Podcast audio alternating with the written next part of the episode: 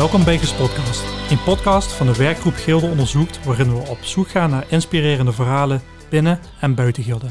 Mijn naam is Kenneth Linders en vandaag ga ik in gesprek met het college van bestuur van Gildeopleiding. Um, Patrick Thomas, Peter Thuis, uh, fijn dat we aan mogen sluiten om met jullie te spreken over studentenzorg. Uh, heel erg waardevol, lijkt mij. Als ik dan begin met wat ik vanuit mijn perspectief als docent binnen zorg zie, is ook wel ook de veranderende student. De student van nu is niet meer de student van tien jaar geleden. Uh, we zien veel meer problematieken, uh, zowel thuis of uh, op cognitief of sociaal-emotioneel gebied. Wij doen als docent handelen naar wat wij denken dat goed is. En dat doen we als onder onderwijsteam en dat doen we ook in gesprek met, met, met de ondersteuning. hoe zien jullie onderscheidende in studentenzorg voor jullie? Uh, als je goed wil, vertel ik eerst even uh, waarom we überhaupt dit uh, in onze strategie hebben opgenomen. Um, ik heb zelf mogen werken in het HBO en het WO en eigenlijk is niks zo gereguleerd als het MBO. vanuit het ministerie, ook vanuit onze CAO, vanuit het professioneel statuut. Dus eigenlijk lijken de ROC's best wel op elkaar. doordat het zeg maar, zo gereguleerd is, ja, krijg je vanzelf, ik wil niet zeggen eenheidsworst, maar wel ja, dat die ROC's best op elkaar lijken. En je moet je überhaupt afvragen of je dan heel erg van die andere wil afsteken. Maar wij vinden het eigenlijk aan onze ja, eer verplicht dat uh, in een, in een streek-ROC zoals wij dat toch zijn, ja, dat wij ons zouden kunnen onderscheiden in, in die studentenzorg. En dat willen we ook heel erg graag. Wij willen dat die student heel, zich heel geborgd voelt bij, uh, bij geldopleidingen. Dat hem de goede weg gewezen wordt. Dat hij eigenlijk constant voelt dat we naast hem staan. Niet tegenover hem staan en Ehm, nou, dat we daarin uh, dat we die studenten dus begeleiden in die, in die belangrijke reis van, van zijn opleiding. En dat hij een goed gevoel heeft gewoon over gildopleidingen. En vandaar dat we hebben gezegd, ja, vroeger zeiden we student centraal, maar dat willen we nog wat specifieker maken. We willen ons echt, dat willen we beter doen dan de rest. Overigens hoop ik dat op alle ROC's, en dat geloof ik ook, hè, aandacht besteed wordt aan die, aan die student. Maar ja, op dit vlak willen we willen we het beter doen. Ook omdat we zien dat die uh, studenten dat, dat nodig hebben. Ik, ik heb het hele vorige collegejaar heb ik lesgegeven bij op niveau 1 bij de entree-studenten. En als, nou, je noemt het zelf ook al even. Hè, de, als je ziet welke problematieken daar uh, spelen, dan vind ik ook echt dat ze het, uh, dat ze het waard zijn. En heb ik ook heel veel bewondering voor hoe de collega's, want ik doe dat zeg maar twee uur in de week dan. de collega's die daar echt de hele week staan ja, hoe zij geconfronteerd worden eigenlijk met, met allerlei zaken die niet per se direct dat onderwijs raken, maar wel die dat onderwijs heel erg beïnvloeden. Nou, en, daar uh, nog een extra stap zetten, dat zouden we, uh, dat, dat gunnen we gilden, maar vooral die studenten heel erg. Ja, en misschien over, over het begrip studentenzorg, want in jouw inleiding ging het ook heel erg over problematieken die bij studenten spelen. Hè?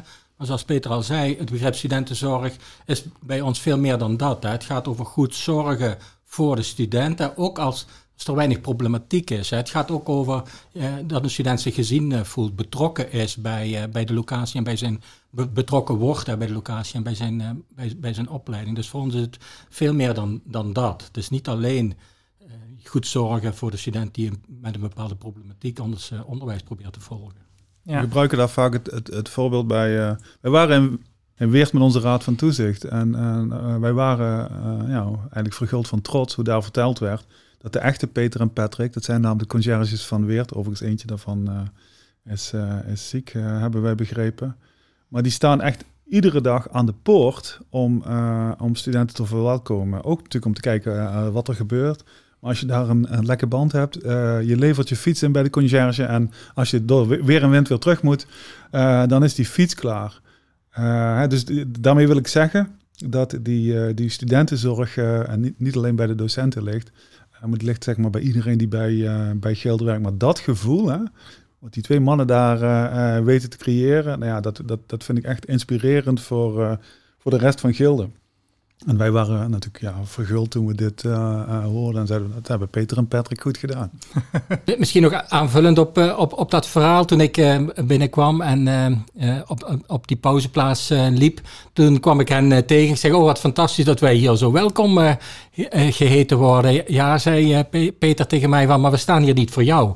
We staan hier voor die studenten en uh, ik zeg, ja, doen jullie dat dan iedere ochtend? Ja, iedere ochtend staan we hier en dan kijk ik de studenten in de ogen om te kijken hoe het met ze gaat. En dan zie ik met welk gemoedstoestand ze binnenkomen. Ja, ik, ik vond het fantastisch. Kunnen iedereen zo'n Peter en Patrick. Ja. dat is ook mooi dat jullie dat ook zo zien. Hè? Dus ook de student waar eigenlijk niks tussen aanhalingstekens meer aan de hand is, dat hij ook gezien, gehoord uh, wordt, dat hij zichzelf mag zijn. En ik hoor dan eigenlijk ook een hele erge maatschappelijke rol uh, die Gilde dan eigenlijk op zich neemt. Die spreekt dus over streekonderwijs in de regio.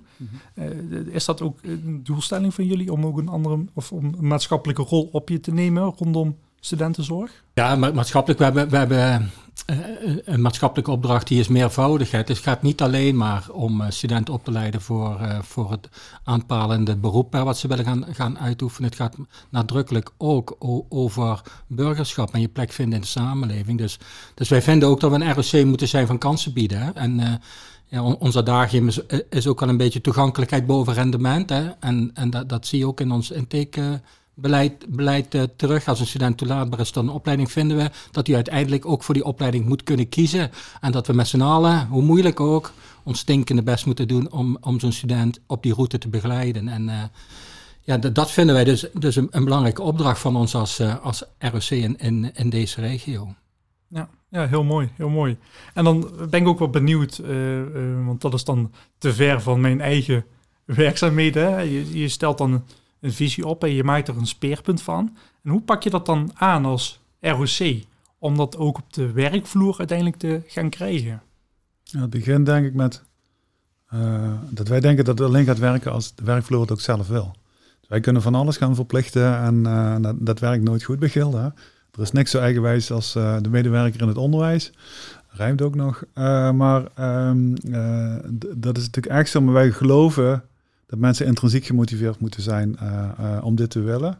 En dat betekent dat wij ook uh, verschillen moeten erkennen. En, dat het ook, als je het open gesprek hebt, dat een, dat een docent ook moet kunnen zeggen: Ik ben ooit vanwege het vakmanschap van het vak dat ik geef in, in, die, in, in deze rol gestapt.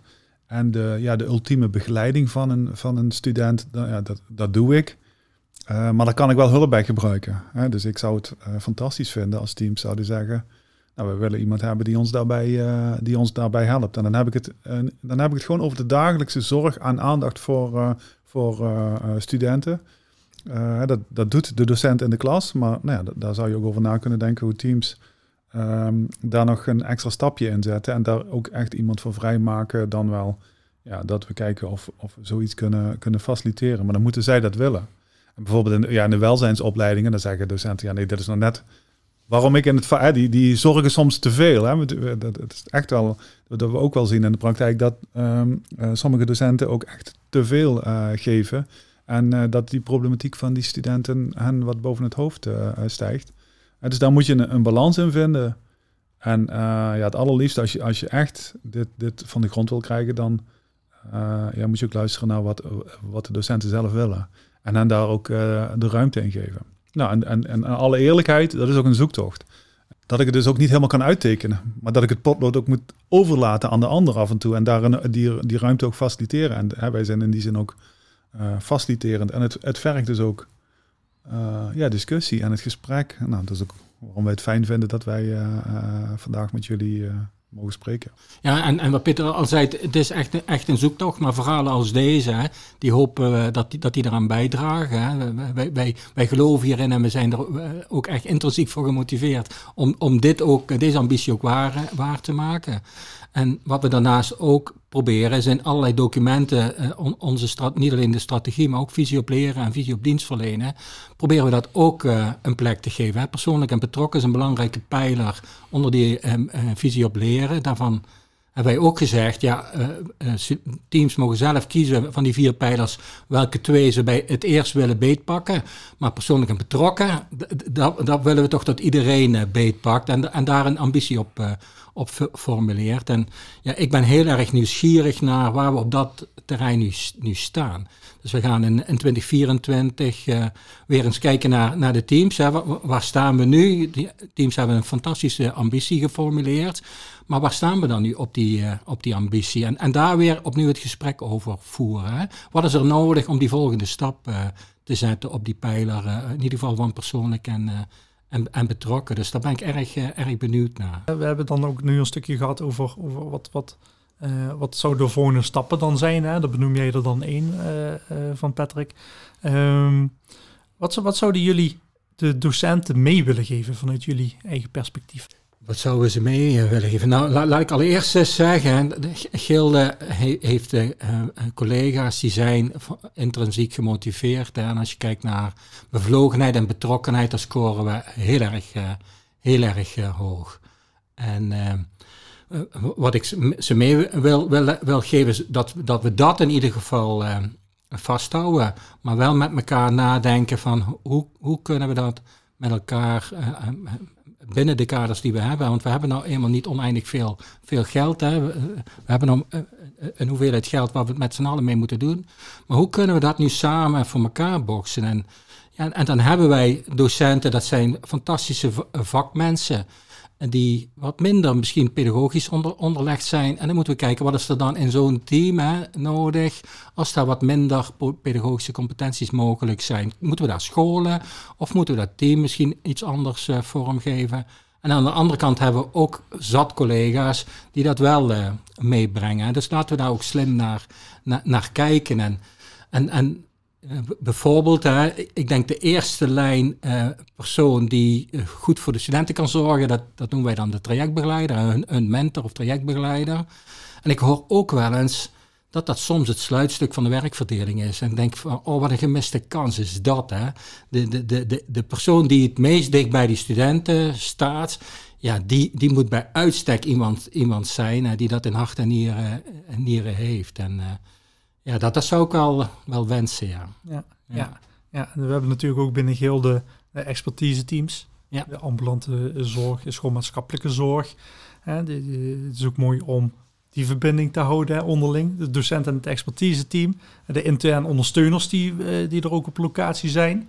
Heel veel. Ja, daar ligt ook wel voor mij een vraagstuk, Ken. En als, als, ik, als ik zie hè, wat we allemaal wel niet georganiseerd hebben rondom die begeleiding, ja, fantastisch. Hè? En, en, laatst zei iemand van de studentenraad tegen mij van ja, het is allemaal uh, geweldig georganiseerd binnen Gilde. Maar soms weet ik het ook niet meer bij wie ik precies moet, uh, moet, moet zijn. Hè? En, en zoek ik dan, als, als ik een, een, vraagstuk heb of hulp, zoek ik die dan op de school of zoek ik die eerst primair in mijn eigen omgeving? En, en, en daar vraag ik me ook, ook wel eens af, ook als ik zie wat wij allemaal wel niet aan, aan, medewerkers hebben en hoe vaak een dossier niet doorgegeven wordt aan een ander, hebben we dat dan slim met elkaar geregeld en georganiseerd. En, en moeten we daar niet nog eens een keer naar kijken, zodat we in die eerste lijn ja, maximaal toegerust zijn. En, en daar kun je echt niet alles op oplossen, maar dat we in, in het team zelf uh, zoveel mogelijk kunnen doen zonder daarin door te slaan. Hè.